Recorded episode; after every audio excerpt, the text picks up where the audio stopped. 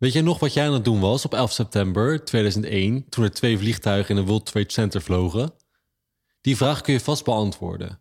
Maar weet je nog wat je de dag daarvoor deed op 10 september 2001? Hey, dit is Arnoud en dit is A Drop of Ink.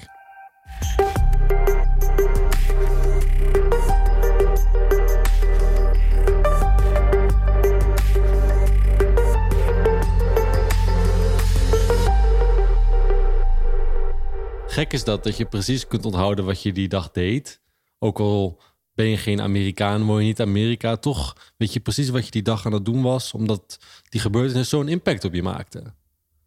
En dat is wat emotie met ons doet. Het zorgt ervoor dat we zo veranderen van ons patroon en dat we ons zo anders voelen. Dat we een herinnering creëren en dat we zelfs nog weten wat we die dag deden. Maar als ik vraag wat je de dag daarvoor deed, dat je geen flauw idee hebt. En dit laat zien wat de kracht van emoties op, op herinneringen en hoe we ons voelen en hoe we bepaalde dingen kunnen terughalen. Als ik je nu zou vragen om terug te denken aan een van de mooiste momenten van je leven, dan zal je waarschijnlijk terugdenken aan de hoogtepunten. Aan de punten waar je de meeste emotie doormaakte.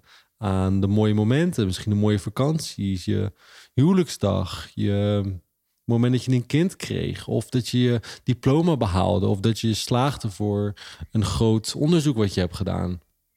We zien dus dat deze twee samen ervoor zorgen dat we een herinnering creëren en dat door emotie en door gebeurtenissen een koppeling wordt gemaakt, waardoor we ons goed voelen of minder goed voelen. Als we kijken naar platformen zoals TikTok, Instagram Reels of YouTube Shorts, zien we dat hier worden ingezet op shortform content en dan vooral de videokant. En we zien dat hier vooral trends voorbij komen.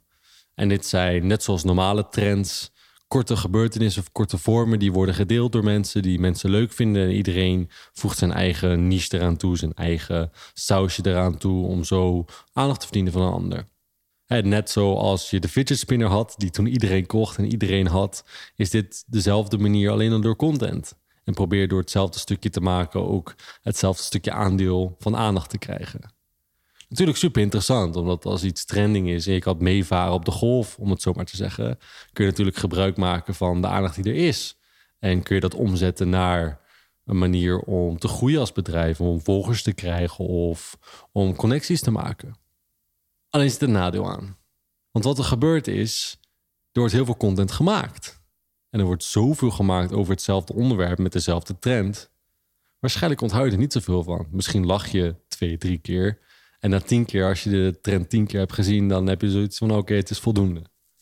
En dan misschien een dag later komen er nog drie, vier voorbij. Met een grappige variatie waar je dan om moet lachen. Maar dat is het. De content die je voorbij zag komen, die. En misschien is dat de eerste geweest die die verandering heeft gemaakt. Maar de rest is eigenlijk allemaal herhaling geweest en heeft niet zoveel bij je losgemaakt. Het is misschien die eerste post die ervoor zorgde dat je er iets van onthouden en die je emotie op zo'n manier veranderde dat je opeens keihard moest lachen of keihard moest huilen. Of dat je heel erg geïnspireerd werd of gemotiveerd. Of dat je een hele connectie voerde met iemand. Maar degene die daarna kwamen, daarna kwamen, daarna kwamen, die hebben niet hetzelfde effect niet gehad. Omdat iemand meevaart op een trend. En iemand die de trendsetter is, is degene waar de connectie begint en waar de meeste emotie wordt gevaard. En daarna wordt het steeds minder, minder, minder, minder. Net als een golf die begint, die begint heel groot en wordt steeds kleiner, kleiner, kleiner en kleiner. En dit is dus een deel van de formule. Als we kijken naar de formule van content, zeg ik altijd dat die uit twee dingen bestaat. Is aandacht verdienen, daar begint het allemaal bij, want als je geen aandacht hebt, dan kom je niet zo ver. En iemand een bepaalde ervaring geven die een ander niet kan geven. En die twee zorgen ervoor dat je eh, een emotie creëert, dat je er misschien een volger bij krijgt, dat je misschien de aandacht verdient van iemand, zodat iemand jouw product koopt of welke kant het ook op mag gaan. Maar het zijn deze twee dingen die er uiteindelijk voor zorgen dat je een verschil maakt en dat je niet zo bent als de rest. Net zoals die andere mensen die al die trends nadoen en meegaan met die flow, is het puur om aandacht te verdienen. Maar ga je naar elk account, ga je allemaal checken wat er gebeurt? Waarschijnlijk niet. Omdat het geen eigen toevoeging heeft. Het is niet speciaal, niet uniek. En daar is het verschil van trends. Trends worden heel erg gebruikt om aandacht te verdienen, wat heel erg gericht is op de korte termijn. En dat is hoe de meeste mensen ook naar content kijken en naar social media. Is zoveel mogelijk volgers krijgen, zoveel mogelijk likes. En op die manier meten we hoe succesvol we zijn. Terwijl het eigenlijk helemaal geen goede maatstaven zijn. Maar goed, dat is een andere discussie voor een ander moment. Maar we missen dus nog het stukje toevoeging, de emotieverandering. En dat is de formule voor succesvolle content. Dus dus aandacht trekken, een patroon doorbreken, plus een toevoeging geven op een unieke eigen manier. En ik zeg het altijd op zo'n manier dat het iets is wat anderen heel moeilijk kunnen kopiëren.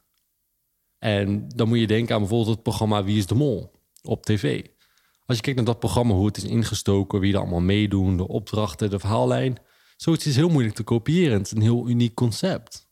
En dat is waarom het zo goed werkt. Het is een van de weinige programma's die elke keer terugkomt waar zoveel Nederlanders naar kijken. Dus omdat het concept, hoe het bedacht is, hoe het in elkaar gestoken is, hoeveel waarde er is ingestoken, om het zo maar te zeggen, is dat mensen het waard vinden om het elke jaar te blijven kijken. En dat is zeker weten waardevolle content en daar kunnen we superveel van leren. Als we kijken naar wie is de mol, creëert een bepaalde emotie. Het is een spanning, dat je gaat uitzoeken wie de mol is. En natuurlijk wordt in de editing heel veel geframed hè, om ervoor te zorgen dat dit gevoel wordt opgewekt. Maar het is deze ervaring, die emotie die je ervaart op het moment dat je Wie is de Mol speelt. Dat je mee kan spelen, mee kan raden. Uh, dat je geheimzinnig, zelf geheimzinnig gaat worden. En dat je kan concurreren met je familie en vrienden. En alle lading die erbij komt kijken, zorgt ervoor dat het programma maakt wat het maakt. Dus het is niet alleen de aandacht verdienen, de voorshow die Wie is de Mol doet, de korte advertenties die ze wel eens hebben geplaatst. Ze kondigen het natuurlijk altijd goed aan, omdat het programma is wat goed werkt. Dus de zender zelf ook, die is op tijd met zeggen van... hey jongens, Wie de Mol komt er weer aan. Natuurlijk voor kijkcijfers. En daar begint het bij. Dus je kan er wel heel veel aandacht verdienen. Maar op het moment dat het programma zelf niet goed zou zijn, zoals Wie de Mol... dan zullen mensen ook weer snel afhaken. Dus deze twee zijn essentieel om ervoor te zorgen dat je content maakt op zo'n manier dat het de succes heeft die je zoekt. Je kunt er ook wel naar kijken alsof je naar een pretpark gaat. Op het moment dat je in een achtbaan instapt en je staat in de rij, voelt wel een beetje de spanning. En totdat je erin zit en je helemaal tekeer gaat, vooral de eerste keer heb ik dat altijd als je naar een attractiepark gaat en je gaat in de eerste, laten we zeggen, heftige achtbaan. Dan is het soort van altijd nog weer even wennen of zo, of erin komen. Op het moment dat je uit die achtbaan bent gestapt, dan is je hele emotie anders. Je merkt dat je allemaal adrenaline in je lichaam hebt. Je hebt dopamine, je voelt je goed. En het is een hele rush. En zo moet je content ook zien. Dat op het moment dat iemand jouw content consumeert, en dan hoeft het niet per se die emotie te zijn. Maar het idee is dat je van iemand die eerst in een bepaalde staat was, door de achtbaan op een nieuwe plek brengt en dat in een compleet andere staat is. En dat is het moment wanneer we content onthouden. Dat is wanneer content waardevol is. Of dit nou motiverend is, inspirerend, of we er iets van leren. Of we iets moeten laten lachen. Of dat we connectie maken met anderen. Welke vorm het ook is. Dit is het doel van wat content is. Welke vorm dan ook. Op social media, door je blogs, door je video's. Op tv, lange vorm. Op YouTube Shorts, op korte vorm. Welke vorm dan ook. Is de reden dat iemand terugkomt of verder kijkt. is een stukje emotie dat kun je vast wel het mooiste terugvinden in die filmpjes. Althans, dat merk ik bij mezelf. Dus die filmpjes waarin mensen teruggeven aan andere mensen. Waarin ze onverwachts geld geven of hulp bieden. En soms kon ik wel even naar de video's kijken en dan echt lekker janken. En voelen wat die mensen voelen. En dat is een heel mooi voorbeeld van wat content met iemands emotie kan doen. En hoe je iemand kan voelen. En ik vind het altijd zo bijzonder dat je op zulke momenten kan voelen hoe het voor een ander is om iets te ontvangen wat je niet verwacht. En dat je een ander helpt zonder dat iemand daarom vraagt en hoe mooi dat is. Maar ondertussen heb ik het ook als ik van die video's zie dat mensen heel hoog op die kranen lopen, die daar helemaal opkikken, of langs een raam op een heel hoog gebouw gaan klimmen.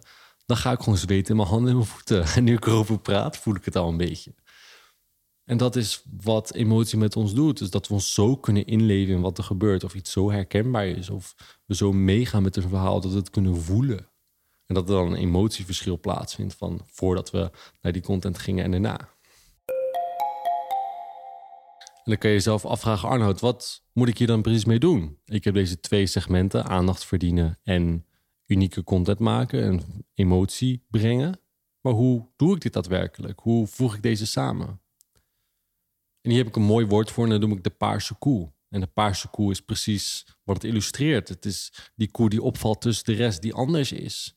Die tussen de gewone koeien in staat en direct je aandacht trekken. En op het moment dat je die koe gaat melken, om het zo maar te zeggen, dat er geen witte melk uitkomt, maar paarse melk. En dat het heel erg zoet en goed smaakt.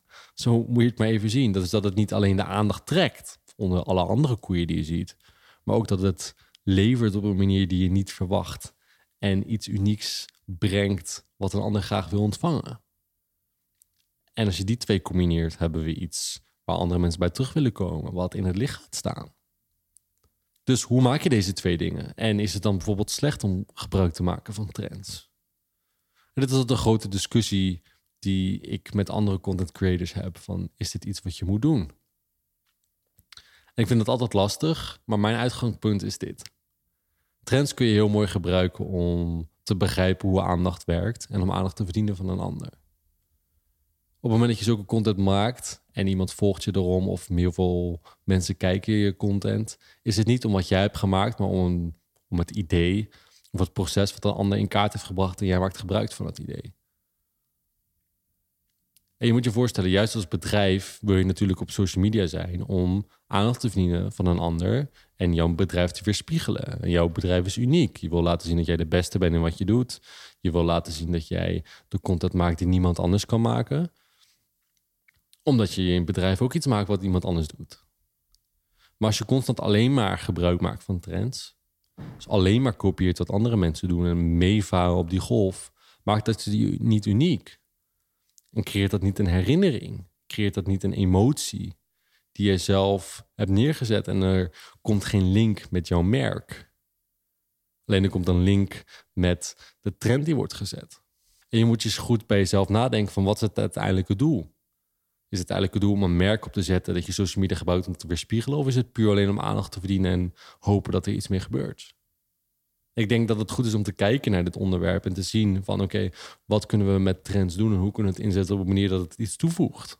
Hoe kunnen we het onderdeel maken van iets dat het, we wel een emotie kunnen toevoegen die ons bedrijf wel uniek maakt? En moeten er dan überhaupt aan trends zitten of niet? Ik denk dat trends heel erg inspirerend kunnen zijn en heel erg goed laten zien waar mensen nu mee bezig zijn, wat mensen grappig vinden en dat je daarop door kan borduren.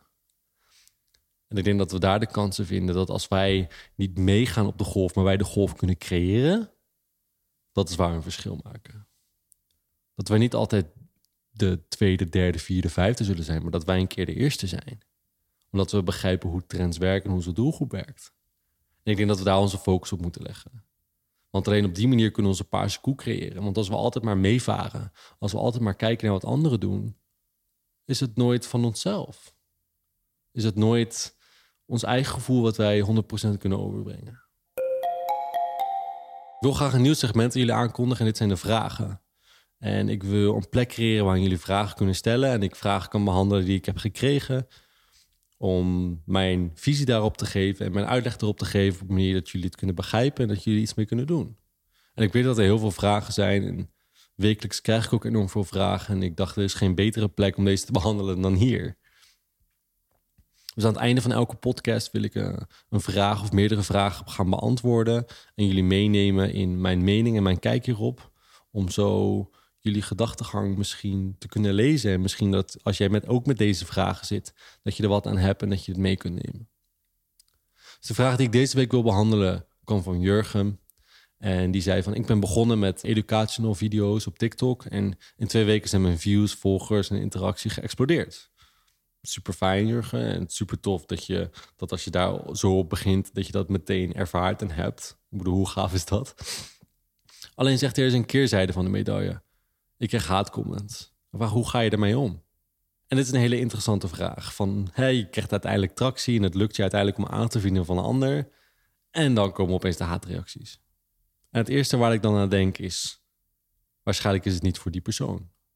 Stel je voor, je brengt een boek uit. Je spendeert er heel veel tijd aan. En die verkoopt uiteindelijk. En de verkopen gaan supergoed. Je krijgt super mooie reacties. Maar er zitten ook hele slechte reacties tussen. Mensen die het helemaal niks vinden. Wat doe je daarmee? Ga je die reviews lezen? Neem je die reviews serieus? Ik zeg altijd, waarschijnlijk is het niet voor die mensen. Op het moment dat zij de tijd nemen om zo'n haatreactie of iets negatiefs te schrijven, was het boek waarschijnlijk niet voor hun of deed het niet aan hun verwachtingen. Maar dat betekent niet dat alle andere positieve niks goed zeggen.